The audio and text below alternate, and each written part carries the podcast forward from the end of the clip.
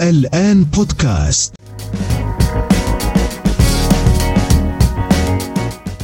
بعد جزائري للحرب الأوكرانية مقالة للكاتب خير الله خير الله منشورة على موقع صحيفة العرب اللندنية. بعد أيام قليلة تدخل الحرب الأوكرانية سنتها الثانية.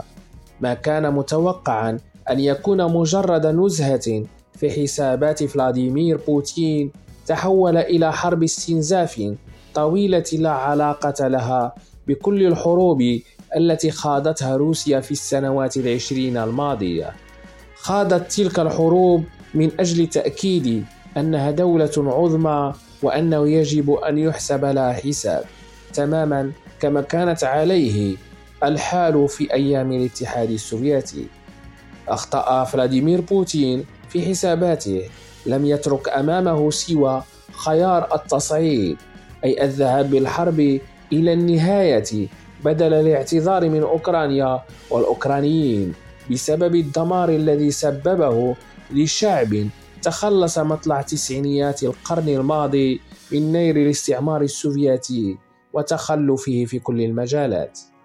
تبدو حرب أوكرانيا مختلفة عن حرب سيطرة روسيا على شبه جزيرة القرم في العام 2014 وعن التدخل المباشر ابتداء من آخر شتنبر 2015 في الحرب التي يشنها النظام الأقلوي في سوريا على شعبه. ما تغير منذ يوم الرابع والعشرين من فبراير من العام الماضي عندما بدأ الهجوم الروسي على أوكرانيا هو طبيعة الحرب الأوكرانية وأبعادها. من حرب تثير المخاوف من سيطرة روسيا على أوكرانيا تمهيدا للتحكم بأوروبا. بات التركيز الأوروبي والأمريكي على الدور الإيراني في تلك الحرب. تبدو أوروبا معنية في الوقت الحاضر بالدور الإيراني في استمرار الحرب الأوكرانية. كذلك باتت معنية بالدور الذي تلعبه مجموعة فاغنر التي تضم مرتزقة من مشارب مختلفة تقاتل باسم روسيا. على رأس هذه المجموعة صديق لفلاديمير بوتين ورجل أعمال مهم هو يفغيني بريغوجين. ليس بعيدا اليوم الذي ستكتشف فيه أوروبا أبعادا أخرى خاصة بحرب أوكرانيا من نوع العلاقة الروسية الجزائرية. في وقت تنفي فيه الجزائر وجود مثل هذه العلاقة الخاصة التي هي في مستوى حلف بين الجانبين فيما تؤكدها موسكو عبر سيرجي لافروف. كلما مر يوم يتبين أن الرئيس الروسي لم يكن قادرا على متابعة حربه التي تستهدف إخضاع أوكرانيا وشعبها وبالتالي أوروبا لولا دعم الجمهورية الإسلامية في إيران ومجموعة فاغنر وتواطؤ دول مثل الجزائر أخذت الحرب بعد سنة على بدايتها بعدا جديدا.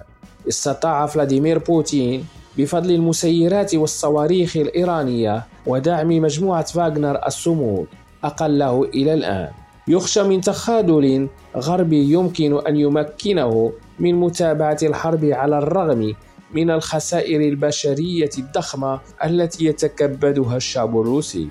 في الواقع يخاف الغرب خصوصا حلف شمال الأطلسي أن يستعيد الرئيس الروسي المبادرة بعد سلسلة الهزائم التي تعرض لها منذ فشل الجيش الروسي في الاستيلاء على كييف في الأسابيع الأولى للحرب. ثمة معارك ضارية تدور حاليا في الداخل الأوكراني في باخموت تحديدا. سيكون الجيش الروسي بدعم من مجموعة فاغنر وإيران على شفا استعادة المبادرة في أوكرانيا في حال تلكؤ الغرب في دعمها وسقوط بخموت. معنى ذلك دخول الحرب الأوكرانية مرحلة جديدة تطرح على الأوروبيين والأمريكيين المهتمين بتفادي سقوط القارة العجوز تحديات جديدة. ثمة نقاش فعلي يدور بين أعضاء مجموعة رامشتاين التي تدعم أوكرانيا في مواجهة الغزو الروسي. يأتي هذا النقاش في شأن الطائرات المقاتلة بعدما حسم موضوع تزويد أوكرانيا بدبابات أمريكية وأخرى من صنع ألماني يوجد تركيز في الوقت الراهن على كيفية منع روسيا من تحقيق أي تقدم جديد على الأرض. ليس معروفا كيف سيتصرف الغرب خصوصا فيما يخص التورط الإيراني في الحرب الأوكرانية والدور الأساسي الذي تلعبه مجموعة فاغنر التي يتجاوز نشاطها أوكرانيا في ضوء وجودها في سوريا وفي الساحل الإفريقي وشمال إفريقيا. في مالي وجمهورية الكونغو الديمقراطية على وجه التحديد. ليس وجود فاغنر في منطقة تهم النظام الجزائري مباشرة سوى تعبير عن وجه آخر للحرب الأوكرانية. يتمثل هذا الوجه الآخر في وجود تعاون جزائري روسي على كل المستويات. يحاول النظام الجزائري إخفاء هذا التعاون وعمق الحلف مع روسيا. تماما مثل ما كانت روسيا تحاول في الماضي إخفاء حلفها مع الجمهورية الإسلامية في إيران. إنه حلف كشفته الحرب الأوكرانية. في الأمس القريب أكد وزير الخارجية الروسي سيرجي لافروف في حديث مع التلفزيون الروسي آرتي إجراء مناورات عسكرية روسية جزائرية في نوفمبر الماضي في منطقة بشار. كان لافتا النفي الجزائري لإجراء مثل هذه المناورات التي ما لبث لافروف أن أكد حصولها. هل لدى الجزائر ما تخجل به أمام العالم من علاقتها بروسيا وهي علاقة تفسر وجود نظام ذي طابع ستاليني فيها لا يفكر سوى بصفقات أسلحة مع الجانب الروسي؟ قد يكون الأمر متعلقا بالتقارب الفرنسي الجزائري الذي حصل أخيرا وهو تقارب تستهدف الجزائر من خلاله الحصول على أسلحة فرنسية وتكنولوجيا متطورة فيما يخص الأقمار الاصطناعية. ليس مستبعدا وقوع فرنسا في الفخ الجزائري لكن الأكيد أن روسيا لن تكتفي بمتابعة نسج علاقات مع إيران.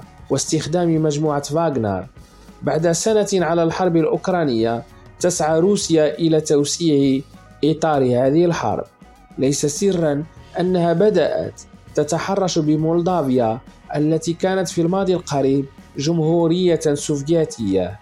تشير كل المعلومات الواردة من مولدافيا إلى حملة روسية يتعرض لها هذا البلد المسالم من أجل زعزعة الاستقرار فيه. يبقى أخطر ما في الأمر أن المعادلة التي يحاول فلاديمير بوتين فرضها غير قابلة للتطبيق. يريد ضم قسم من أوكرانيا وهذا غير مقبول غربيا. اليوم قسم من أوكرانيا غدا ماذا؟ أين ستتوقف شهية الرئيس الروسي الذي يخوض حربا يستحيل أن ينتصر فيها؟ كونها معركة حياة أو موت لأوروبا ودولها كلها. باتت أوكرانيا مأزقا للجميع. ليس لبوتين وحده بل لإيران أيضا ولدولة مثل الجزائر. تعتقد أن امتلاكها للغاز يسمح لها بممارسات بهلوانيات من نوع نفي إجراء مناورات عسكرية مع روسيا داخل الجزائر نفسها فيما تؤكد موسكو حصول هذه المناورات.